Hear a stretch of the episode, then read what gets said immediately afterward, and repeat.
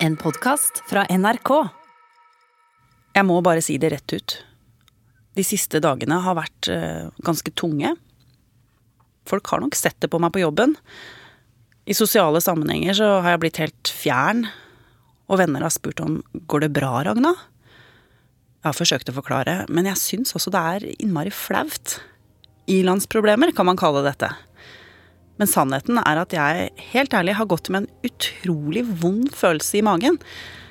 En følelse av at noe helt forferdelig er i ferd med å skje, og at det er helt utenfor min kontroll. Og i kveld, onsdag 11. desember 2019, skal jeg endelig få svar.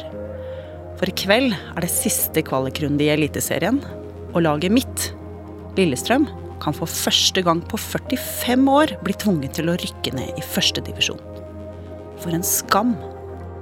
Jeg, som har kost meg når andre lag, kanskje ditt lag, har rykka ned, er rett og slett i ferd med å få meg en skikkelig på trynet.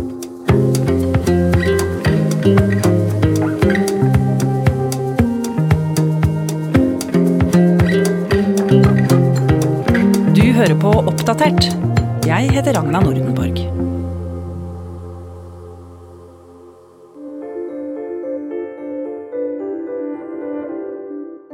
Hvilken klubb man ender opp med, er egentlig ganske tilfeldig. Kanskje flytter du fra Oslo når du er rundt ti. Kanskje er byen du flytter til en stasjonsby, ja, la oss si på Østlandet. Kanskje er det ikke så mye å finne på her, som det var der du kom fra. Du prøver å finne ut hva gjelder her for å passe inn. Ha noe å prate om. Og så skjønner du raskt at jo, dette er en fotballby. Og da må du få peiling på fotball. Og en klarering er meget svak. Her står Lillestrøm etter,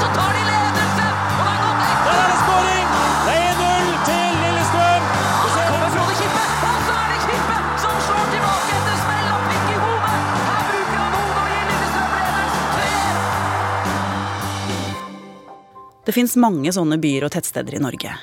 Og min by var tilfeldigvis Lillestrøm. Og fordelen med å heie akkurat på Lillestrøm var at vi var så sjukt gode. Vi lå stort sett i toppen av tabellen. Det var ikke alltid vi vant, men viktigere. Vi rykka i alle fall aldri ned. Tvert imot så gossa vi oss litt når andre lag som vi hata, måtte ut av Eliteserien. Særlig Vålerenga. År 2000. Vålerenga rykker ned og kommer ikke opp igjen før det har gått to år. Og Ville? 2002 Start Monet. 2006 HamKam og Molde Monet. Og Ville? 2009 Bodø-Glimt samme vei. 2014 så var det Brann sin tur.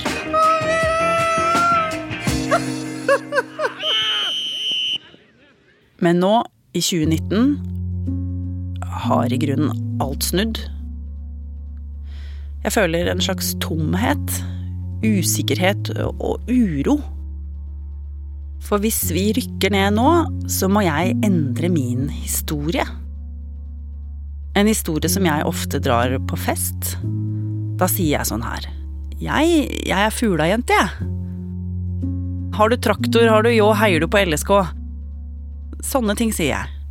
Og hvis rommet er fullt av Vålerenga-fans, så føles det enda bedre å si det, selvsagt.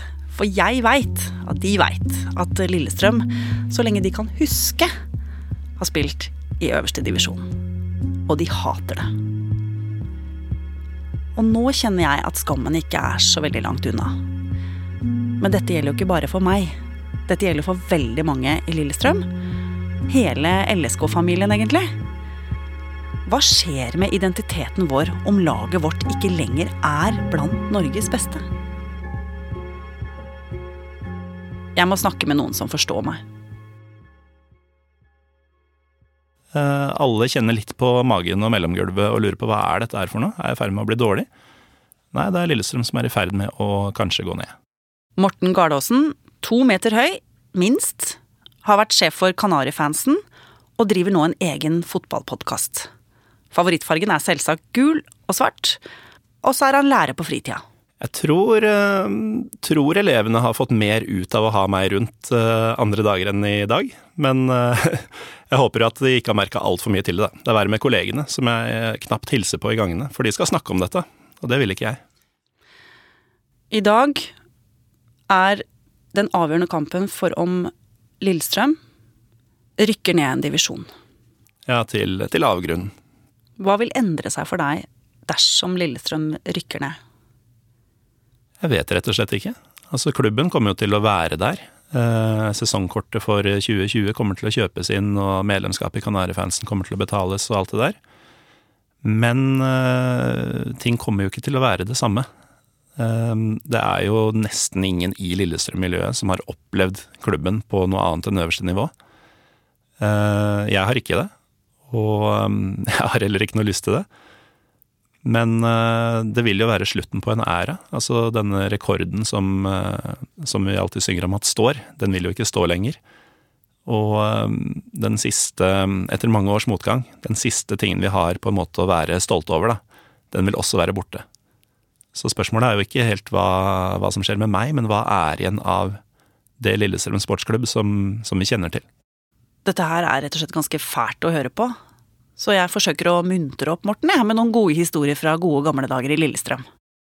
Morten, jeg husker jo selv hvor intenst fotball ble dyrka i denne lille byen. Denne lille stasjonsbyen med en sånn elv som renner foran seg. Tre snaue mil fra Oslo. Altså, jeg husker Bård Bjerkland, husker du han? Ja, ja. Midtstopper. Midtstopper. Svær midtstopper. Han reparerte jo høla i veien fordi han jobba i kommunen. Mm. Og så husker jeg masse sånne ting som om det var i går. Eksempel Dennis Schiller. Høyrebekken. Han hadde en gang uteblitt fra kamp fordi han hadde spist pølse. Og så hadde han tatt på ketsjup, og den ketsjupen hadde stått et døgn ute i sola på terrassen hans, så han kunne ikke stille til kamp. Skjønner du, sånne ting visste vi. Ikke sant? Og veit du hvem som var gymlæreren min? Bør det kommer et eh, LSK-navn opp av hatten nå? Frode Grodås. Der ser du. Hallo! Hei!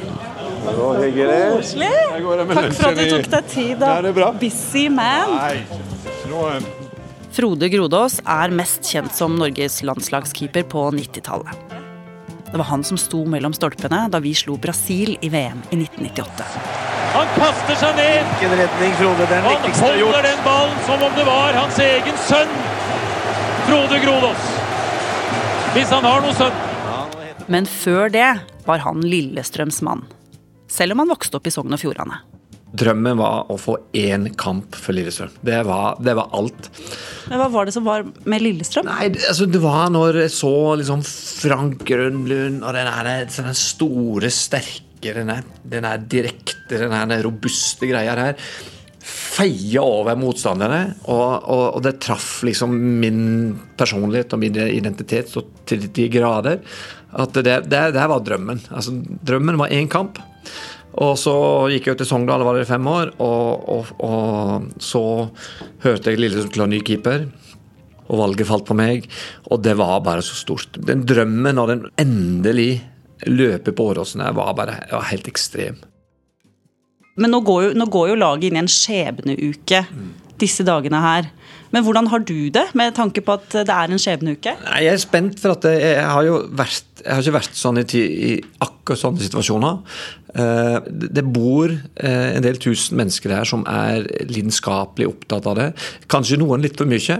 Jeg merker det litt nå når, når, når det er fare for at vi, at vi skal rykke ned. Så, så kan det bli i overkant litt negativt. Altså Kravet til det som skjer, til prestasjonene blir over. Og det, og det, er- det slår ut i en sånn voldsom emosjonell sånn, litt sånn negativitet. Da. Og så har du den sida hvor folk blir litt bortskjemt. Og det var en periode der så ble Lillestrømlingen bortskjemt. De trodde at det er automatikk i å vinne titler og gjøre det bra hele tida. Det er jo ikke det. Frode har et poeng. Kanskje har vi vært for høye på oss selv? At vi ikke har tenkt nok på hva som i verste fall kan skje? Hjertelig velkommen til eh, sesongens eh, siste 4-4-2 her hos oss i eh, Radiosporten. Jeg må innrømme at det først gikk skikkelig opp for meg for bare ti dager siden. Søndag 1. desember. Ja, altså I dag skal det avgjøres. Seks lag er med i nedrykksstriden. Jeg satt på jobb sammen med produsenten Petter, og han begynte å bli ganske irritert på meg, for han ville kjapt hjem til familien sin, og begynte rett og slett å kjefte fordi jeg ikke var konsentrert nok. I rommet ved siden av satt nemlig to gode kollegaer, Alexander Schou og Thomas Aune. De lager fotballprogrammet 442 på radio og kommenterte for harde livet. Denne søndagen var nemlig siste runde i Eliteserien. Og grunnen til at jeg var så ukonsentrert, det er jo at mitt lag, Lillestrøm, her spiller uavgjort. Og det er skikkelig krise. Det betyr at vi havner på tredje siste plass på tabellen.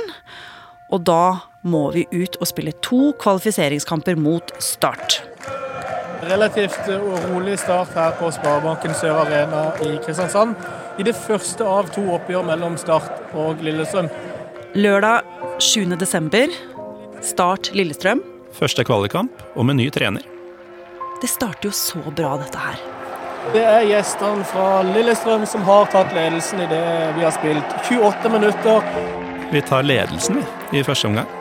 Og en eh, enorm eufori brer seg. Vi har reist hele dagen ned til Kristiansand og prata om hvor ille kan dette gå, og hvor bra kan det gå eventuelt. Og så får vi da denne starten hvor vi tar ledelsen etter en halvtimes tid, og man klemmer på hverandre, man ramler over seterader, folk slår ut tenner, men smiler for det.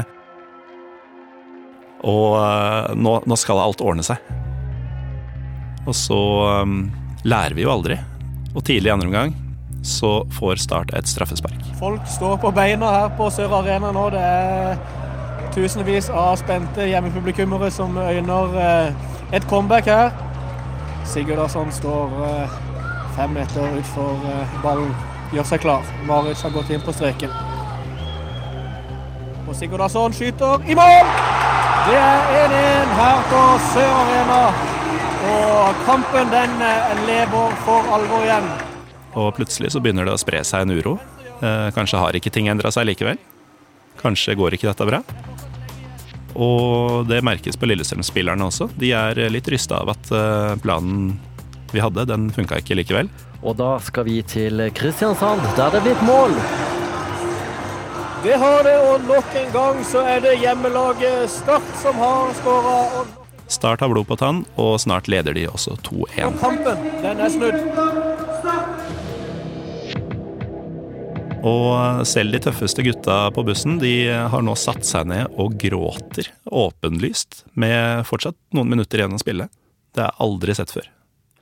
Og um, når dommeren blåser av, så går jeg rett ut av stadion og setter meg på bussen.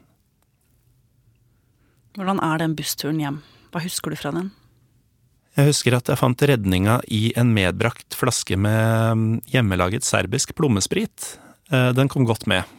I hvert fall den første timen, og så var det tomt. I kveld er det kamp. Mm. Det er siste sjans. Hva må resultatet bli? Dersom Start ikke skårer, så holder det med ettmålseier til Lillestrøm. 1-0 vil holde Lillestrøm oppe. Hvis Start skårer, så må Lillestrøm vinne med mer enn ett mål. Et Lillestrøm som ikke har vunnet siden slutten av august. Det kan bli en, en lang kveld i kveld. Mm. Hvordan er magefølelsen din nå? Jeg er ikke sikker på om jeg har mage lenger. Jeg tror det bare er en, en klump med diverse greier som er kasta inn og dytta sammen. Jeg er livredd, rett og slett. Det, det her kan bli den verste dagen i mitt liv. Har du tatt deg fri i morgen? Jeg har faktisk ikke det, men det er mulig jeg må bli sjuk. Jeg får låne et gult og svart skjerf av Morten. Han gir meg et tips. Jeg kan binde det foran øynene mine om jeg ikke orker å se på. Kall meg gjerne medgangssupporter, men vinner vi i kveld, lover jeg å aldri kødde med andre som rykker ned.